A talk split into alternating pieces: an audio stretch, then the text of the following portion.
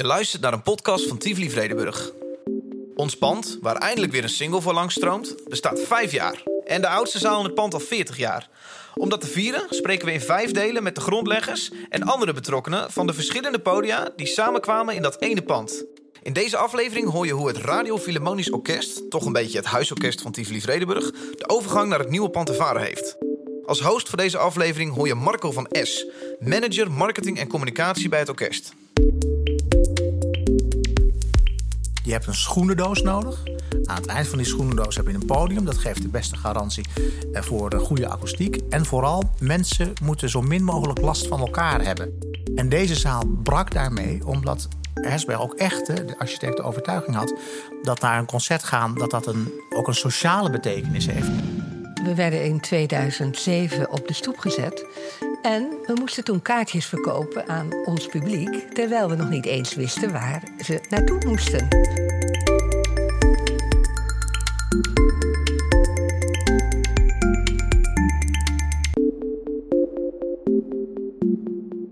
Laat ons uh, eerst even voorstellen. Astrid, mag ik jou uh, vragen te beginnen? Ja, goedemiddag uh, Marco. um, ik ben Astrid in het veld. Ik ben werkzaam voor de Avrotros om uh, concertseries uh, te programmeren. En ik ben eigenlijk al 30 jaar hier in de grote zaal bijna iedere week aanwezig. Met concerten die wij programmeren met de, wat je noemt, omroep- of radioorkesten. Die hun thuisbasis hebben in Hilversum, verbonden aan publieke omroep. Mooi, daar gaan we zo nog uitgebreid op terugkomen. Ja, ik ben Sebastian van Eck. Ik mag hier zijn uh, namens de muziek van ons prachtig bedrijf. En ik speel daar al uh, nu uh, 39 jaar. Dus in deze ronde heb ik misschien het meest historisch inzicht. Althans, dat moet dadelijk gaan blijken. En ik speel dus al inderdaad vanaf het begin min of meer hier in deze zaal. En ik heb er hele bijzondere herinneringen aan. Fijn. Roland Kieft, um, directeur van het Radio Philharmonisch Orkest en het Groot Omroepkoor. Maar ik ga echt ruim 40 jaar terug uh, als het om deze bijzondere zaal gaat. Ik studeerde aan het Utrechts Conservatorium cello, heb de zaal echt zien bouwen, heb ook nog de inspeelconcerten meegemaakt die speciaal voorafgaand aan de opening plaatsvonden. En later heb ik hier uh, als dirigent heel vaak uh, gedirigeerd, ook het Radio Philharmonisch Orkest. Uh, en nu dan als directeur van het Radio Groot Omroepkoor... Um, uh, een van de vaste partners van, dit, uh, van deze fantastische zaal. Fijn, welkom allemaal. We gaan het hebben over de omroepgeschiedenis hier. Over het Radio Orkest, het grote, grote omroepkoor... maar ook de omroepensembles die hiervoor waren. Zullen we beginnen bij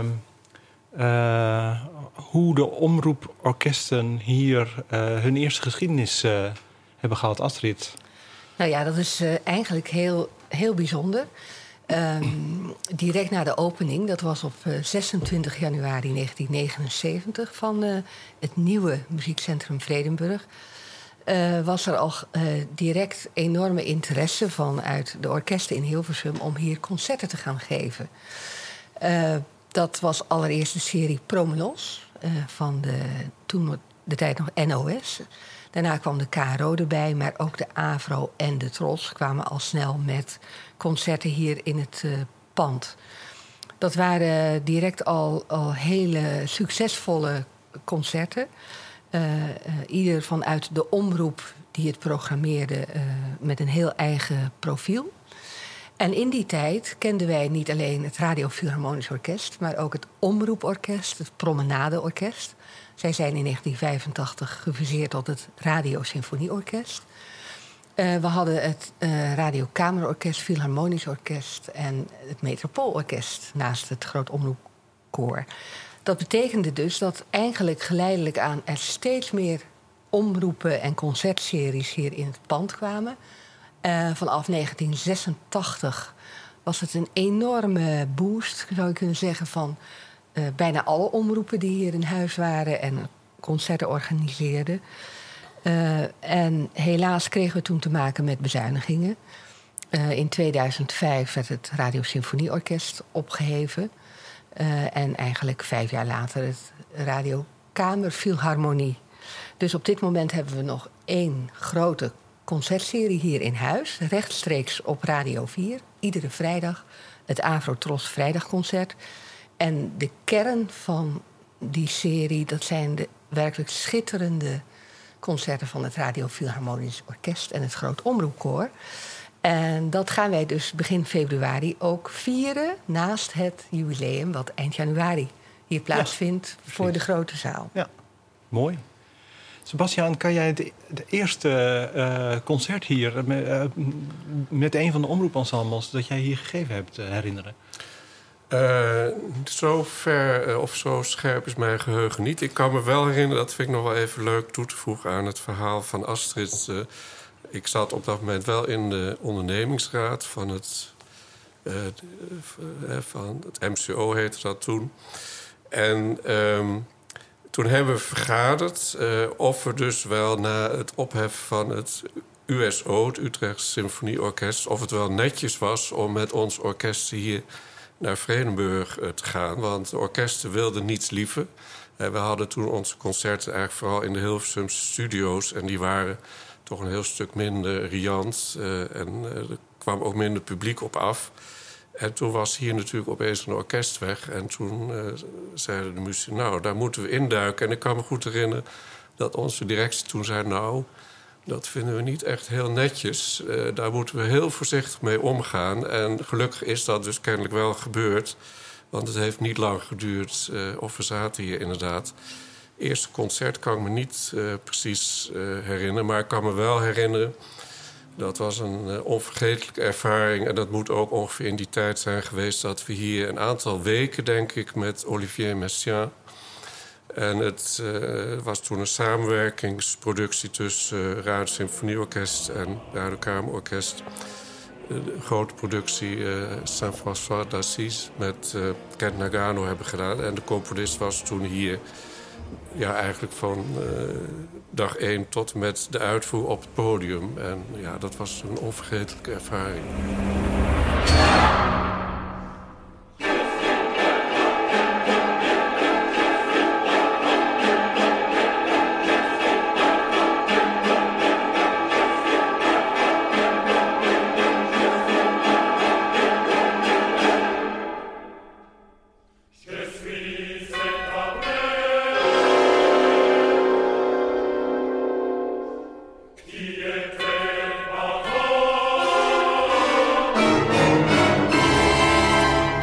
Aanvullend op wat Sebastian zegt, eh, dat was natuurlijk een, heel curieus gegeven. deze zaal was gebouwd eigenlijk als huis voor het Utrecht Symfonieorkest.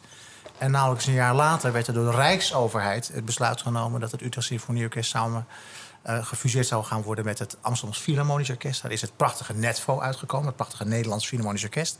Orkest van de Nationale Opera onder andere. Maar ook prachtige concerten in het concertgebouw.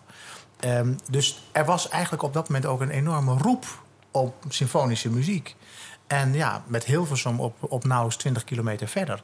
was het natuurlijk een fantastische kans ook voor de orkesten toen de tijd. En die omslag is toen eigenlijk wel tot stand gebracht voor een groot deel... om de studio uit te gaan en echt in de concertzaal voor het publiek te spelen. Want daarvoor waren er veel vaker studioopnames. Dan moet je je voorstellen dat een symfonieorkest gewoon in een studio zonder publiek speelt. Terwijl natuurlijk, kijk, muziek is bedoeld om beluisterd te worden. En de interactie met het publiek is voor een muzikus ongelooflijk belangrijk. Dus het heeft eigenlijk al heel snel na de opening een fantastisch huis geboden voor de, voor de omroepensembles. Wat, wat dus inderdaad een hele andere dynamiek gaf aan dat wat op Radio 4 werd uitgezonden. Ja, zeker. Ik kan me nogmaals, ik was student toen. En heel snel overigens, ik was ook, ook al assistent-dirigent van het Utrecht Symfonieorkest in die, in die fase. Maar ik kan me met name die Promenos-concerten herinneren. Want dat, de zaal nodigde ook uit voor een spannend format. Namelijk niet gewoon hè, je, je huistuin- en keukenprogramma... Eh, um, kwart over acht beginnen, het licht dimt... een ouverture, een pianoconcert, pauze... met elkaar interessant over klassiek muziek praten... en daarna een symfonie. ik, maak, het een klein beetje... Uh, uh, een beetje ehm, ik neem het een beetje op de hak, dat, dat hele plichtmatige. Maar promotionsconcerten waren door het hele gebouw. Dat betekent dat je in de grote zaal concerten had, maar ook in de kleine zaal uh, concerten had. Dat je keuzes had. Je kon ook via een bepaalde route door het gebouw. Er waren op, ook optredens in de foyers. Dus je was eigenlijk van een, uit mijn hoofd vanaf een uur of half acht tot een uur of half elf, elf uur, was je helemaal onder de pannen. En er werd telkens een thema gekozen. Dat kon Finland zijn. Dan kwam er muziek van Sibelius. Maar dan was het ook live in Finland te horen op de radio. En, dus, en er waren ook. Er was ook Finse volksmuziek was er in de kleine zaal. Dus dat, dat waren, de zaal nodigde meteen uit tot echt spannende, leuke, uh, opwindende formats. Ja, en wat mij ook zo bijgebleven is... dat de publieke belangstelling was enorm groot dus als je een abonnement wilde kopen voor een nieuw seizoen, dan stonden mensen met een bonnetje hier op de trappen van de kleine zaal om te proberen voor zo'n abonnement in aanmerking uh, te komen. En dan moet je je voorstellen, we hadden toen dus nog steeds vier orkesten, hè, dus inclusief het Metropool. Uh, en er waren hier vaak op vrijdag, op zaterdag en op zondag verschillende concerten. wij zijn nu bezig met een boekje rond uh, eh, 40 jaar omroepseries. Dat zal ook begin februari bij dat jubileum verschijnen. En daar is vastgesteld dat hier ongeveer 2.500 à 3.000 concerten door de radioorkesten hebben plaatsgevonden. En in een ongelofelijke rijkdom aan bezettingen. Er was hier ook op de zondagmiddag een operaserie. Uh, er, waren heel veel dingen zoals de Nederlandse muziekdagen van de NPS. Hè. Wat jij net zei, Roland. Die enorm grote projecten van hele weekenden dat het hele gebouw in gebruik was. Uh, dagen van Millot, van Frank Martin. Uh, dus ook zeg maar hele avontuurlijke zaken. en daarnaast hadden we ook een, een grote stroom voor, voor andere dingen, zoals educatie, kinderconcerten. We hebben hier twaalf jaar lang de Magische Muziekfabriek gehad. Daar deed vaak de hele provincie en de stad aan scholen mee. Zes weken van tevoren gingen ze in de, stad, eh, eh in de klas studeren. En zo hadden die uh, radioorkesten dus ook een belangrijke functie wat betreft uh, de muziekeducatie hier in deze omgeving. Maar ook dat niet alleen. Ik zeg ook altijd: vergeet niet dat wij al onze concerten rechtstreeks uitzenden op Radio 4 dat daar een ongelooflijke hoeveelheid uh, publiek zit, dus, stadions vol. En dat wij vervolgens die concerten ook nog weer eens herhalen. En ook aan het buitenland aanbieden.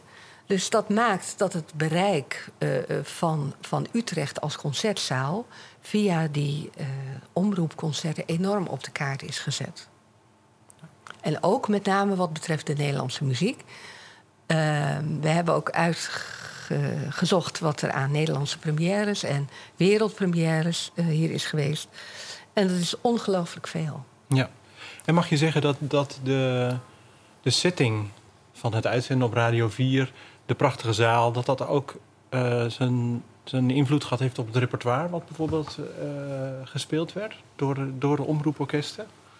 Nou, sowieso de omroeporkesten, en dat is nog steeds zo, waren altijd heel erg kien op hun complementaire betekenis. Er zijn prachtige orkesten in Nederland, geweldige orkesten in Nederland. Onze collega's eh, doen het zonder uitzondering allemaal echt heel erg goed. Dus het is altijd voor de omroepensembles belangrijk geweest om aan te geven um, uh, waarin we het verschil konden maken als En dat betekent dat er echt ongelooflijk veel uh, nieuw gecomponeerde muziek telkens aan kwam. Tot op de dag van vandaag is er heel veel Nederlandse muziek te horen. Er is geen serie in Nederland waar zoveel Nederlandse componisten langskomen als het, als het Avrotos Vrijdagconcert. Sebastian is ook, heeft ook deel uitgemaakt van het Radio Symfonieorkest. En die hadden echt een, een, een, internationale reputatie als het ging om onbekende opera's. Om, om opera-repertoire, maar dan volledig, echt in een volledige concertante versie. Uh, dat, dat was een van de grote, grote kwaliteiten van het Radio Symfonieorkest. Uh, toch, Sebastian? Ja, zeker. Ja, dat zijn allemaal hele bijzondere herinneringen natuurlijk... die daar zo door mijn hoofd... Maar ik vond het leuk wat je net zei, want zo ervaar ik dat als muzikus ook. De zaal heeft, of, of ja, daagt eigenlijk uit om iets, iets bijzonders te doen. Het heeft een soort huiskamer. Ik denk dat de hele filosofie van de zaal ook echt een beetje past hè, in de jaren zeventig. Uh, dat het allemaal wat minder elitair moest en wat iedereen moest ongeveer even dicht op het podium zitten. Dat heeft natuurlijk in bepaalde opzichten ook wel nadelen, maar aan de andere kant uh, merk ik ook aan de mensen die ik meeneem naar concerten dat het op een hele andere manier aanspreekt dan bijvoorbeeld het concertgebouw. En uh, ik moet eerlijk zeggen, als ik dus mensen eens mee wil nemen voor het eerst... Hè, om eens uh, mooi naar een orkest hè, om, te luisteren... dat we dus hier in Utrecht veel meer effect hebben.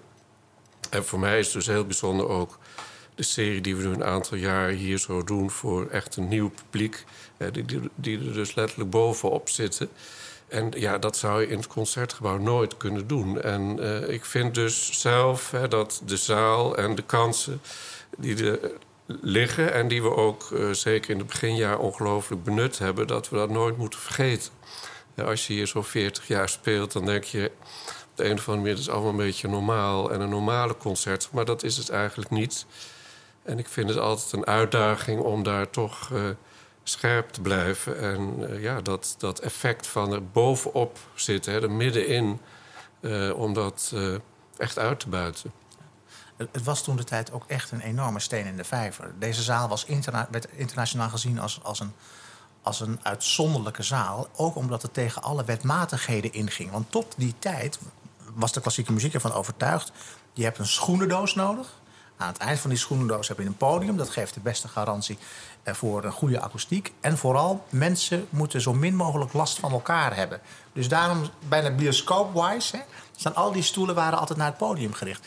En deze zaal brak daarmee, omdat Hersberg ook echt de architect de overtuiging had dat naar een concert gaan, dat dat een, ook een sociale betekenis heeft. Dat dat iets wat je samen doet. En dat je dus eigenlijk ook elkaar moet kunnen zien om de beleving samen te optimaliseren. Ja. In die zin was het een enorme verandering.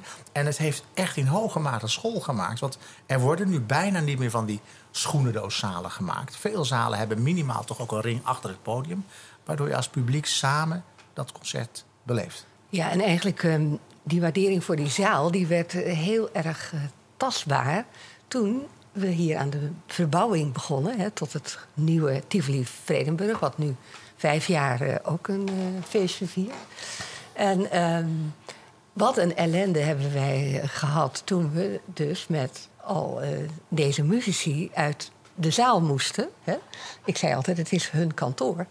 En nou, er was gewoon eigenlijk geen oplossing. Eerst wilde de gemeente eigenlijk Vredenburg vier jaar dicht doen.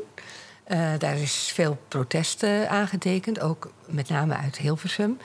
En ja, we werden in 2007 op de stoep gezet. En we moesten toen kaartjes verkopen aan ons publiek, terwijl we nog niet eens wisten waar ze naartoe moesten.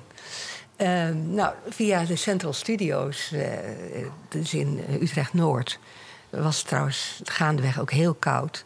Daar stonden de muzici tussen de kopjes. Zijn we naar de zogenaamde Vredenburg Leidse Rijn, de rode, doos, gegaan. Uh, en wat toen zo hartverwarmend was, dat bleek dat uh, de radioorkesten hier een ongelooflijk trouw publiek hebben opgebouwd. Uh, en dat zij dus gewoon ook naar al die noodlocaties zijn gekomen. En uh, nu we weer vijf jaar terug zijn, zijn we gewoon nog steeds in het bezit van deze geweldige community, zou je kunnen zeggen. Van muziekliefhebbers die ook geïnteresseerd zijn in avontuurlijker uh, repertoire. Ja. Ja, want ik, ik, weet nog waar ik stond op een gegeven moment. Eh, er, werd dus een, er werd een tijdelijke concertzaal gecreëerd bij Leidse Rijn, de Rode Doos. Maar ik weet nog precies waar ik stond. Ik was toen verantwoordelijk voor klassieke muziek bij de AVRO. En eh, toen het telefoontje kwam, uh, de Rode Doos is niet op tijd klaar voor het nieuwe seizoen. En dat dat dus echt in, in, een, in een tijdspanne van een weekend moest er een noodlocatie worden gevonden. Dat werden uiteindelijk de filmstudio's hier in, uh, in, in, in Utrecht. Moest een lood, noodlocatie gevonden worden om die concerten voortgang te kunnen geven. En uiteindelijk zijn we toen pas medio januari, geloof ik, naar de in december, ja. December, ja. ja. Ja, en het was koud en nat en winderig en uh, auto's reden op elkaar of mensen gleden uit. Het was eigenlijk niet te doen, hè? Maar toch bleven de mensen komen.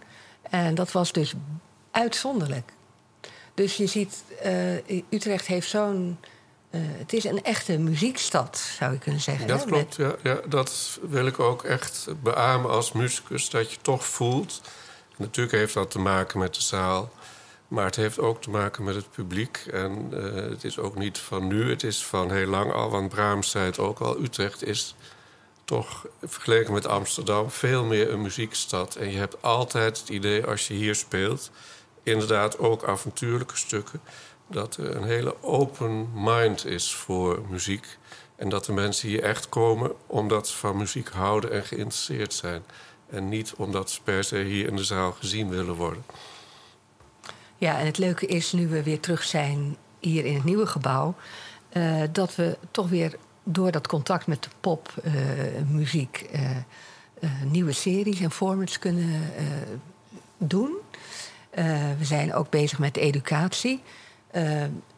het is gewoon een, nog steeds dezelfde zaal waarin ongelooflijk veel mogelijk is. En dat geldt niet alleen het gebouw, maar ook de mensen die erin werken. Dus uh, zeg maar de hele atmosfeer zoals ik die al die jaren heb meegemaakt. Gewoon een gastvrij, een tikkeltje uh, Bourgondisch. Uh, S'avonds na afloop krijgen de muzici hier van het gebouw een drankje. Waar vind je dat? er komen lekkere hapjes langs. Dus er kan ongelooflijk veel. En op een of andere manier zijn die golfjes gewoon gebleven. Dat, het is gewoon al bijeen een, een aantal factoren... waardoor je maakt dat je hier gewoon graag komt. Ja. Dus inmiddels twee keer een toespeling gemaakt op, op nieuwe, nieuwe concerten die hier gespeeld worden. Volgens mij hè, Pieces of Tomorrow, uh, om te beginnen. voor jonger publiek, maar ook Out of the Blue inmiddels. Eigenlijk volgens mij in een combinatie die tussen zaal en orkest een ideale voedingsbodem hebben. Kan, ik, kan je dat zo zeggen? Ja, het bijzondere van, van het Tivoli is dat, dat hij ook al van meet af aan vanuit zijn theatraliteit is benaderd geweest. Hè. Dat, dat deed de architect natuurlijk. Hè. Die, die zei ook van eh, niet alleen vanuit het democratisch principe, wat Sebastian terecht zei, maar ook je moet, je moet samen het concert meemaken. Maar de zaal leende zich sowieso al, om de, ook vanwege de omgang rond het orkest, voor allerlei experimentele opstellingen met, met, met, met, met muzikanten echt door, door, door, door de hele zaal. Maar uh, een aantal jaren geleden, alweer vijf, zes jaar geleden, is er begonnen met een nieuw format. Dat heet Pieces of Tomorrow. En dat speelt zich uh, vrijwel altijd op de donderdagavond af. En het, het orkest, vaak ook aangevuld met het koor, speelt daar de muziek zoals die Tomorrow klinkt. Namelijk in de Avrotos Vrijdag concert. Maar dan krijg je, je krijgt nagenoeg dezelfde muziek aangereikt, maar in een totaal andere setting, in een totaal ander, in andere sfeer. En ehm, vanuit de overtuiging dat alle generaties hebben behoefte aan bijzondere muziek. En klassieke muziek is bijzondere muziek. Uh, het biedt troost, het biedt vreugde, het biedt introspectie. En uh, degene die daar niet behoefte aan heeft, mag zijn vinger opsteken, natuurlijk. Dat is iedereen. Uh, maar voor de jongere generatie van studenten en young professionals, zoals we dat dan noemen, is, de, is, um, is die vorm waarin we ook echt, met, echt actief goed nagedacht is over een lichtplan. Waardoor de, het concert heeft ook echt een eigen belichting. Uh, maar ook het hele format. Er, is veel, er wordt veel meer verteld over de muziek. Dat blijkt enorm aan een behoefte te voldoen.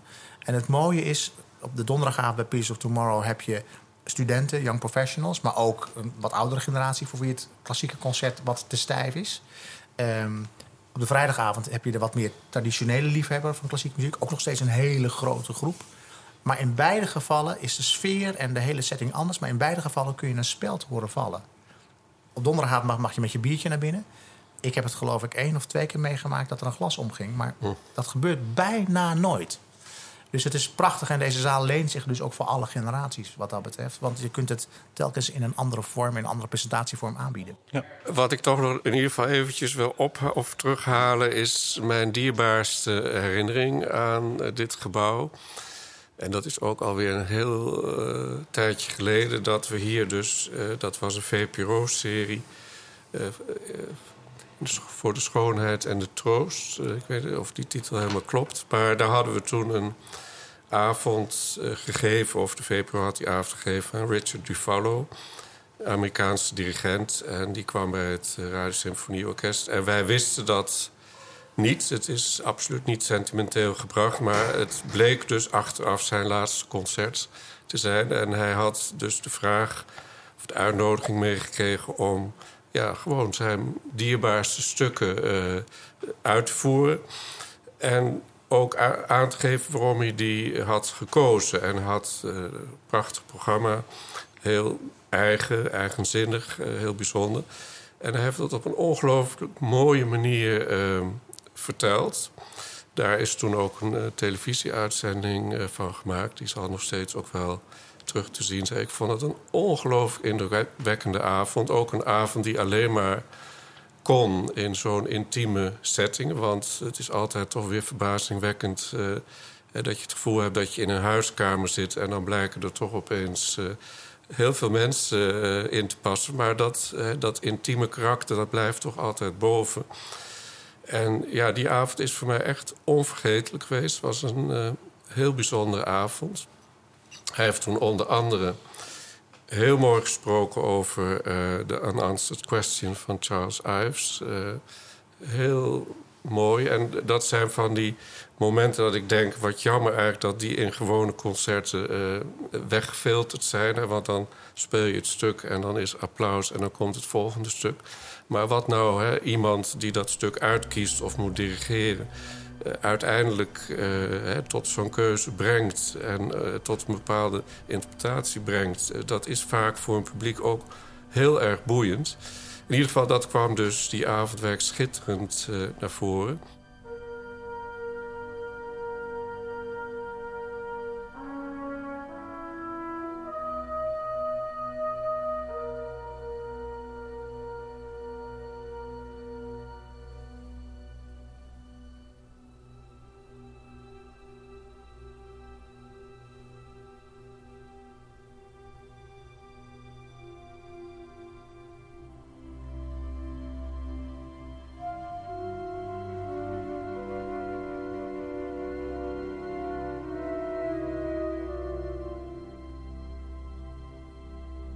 Uh, ik dwaal nu een beetje af, maar ik wil toch eventjes vertellen dit verhaal. Uh, toen, veel later, uh, stonden we dus op punt om de Radio Kamerfilharmonie ten graaf te, dragen. En toen hadden we dus ook van de omroep, ik denk dat dat Afro-Tros was... hadden we een soort vrijbrief om ons laatste concert zinvol in te vullen... En uh, we hadden toen Frans Brugge als dirigent. En ik was toen voorzitter van de orkestcommissie. En ik dacht, tja, wat moet je daar nou spelen? En ik dacht ook terug aan die Unanswered Question toen met Duval. Ik dacht, dat is ook wel echt een ongelooflijk sterk stuk... om dat op zo'n moment uh, te spelen. Ik heb daar toen een tijdje mee rondgelopen. Uiteindelijk vond Frans Brugge het geen goed idee... en hebben we het ook niet gedaan. En is het toch een geweldig laatste concert geworden... Maar toen ik daar zo mee rondliep met die herinneringen... toen had ik ook wel mijn slaaploze momentjes. Toen heb ik een keer midden in de nacht de radio aangedrukt. En ik heb hem dan uh, meestal op Radio 1, moet ik hier bekennen. En het was een uur of vier midden in de nacht. En op dat moment hoorde ik dus dat fragment van Richard Dufalo... waarin hij dus praat over de Unanswered Question. Precies dat fragment hoorde ik door de radio.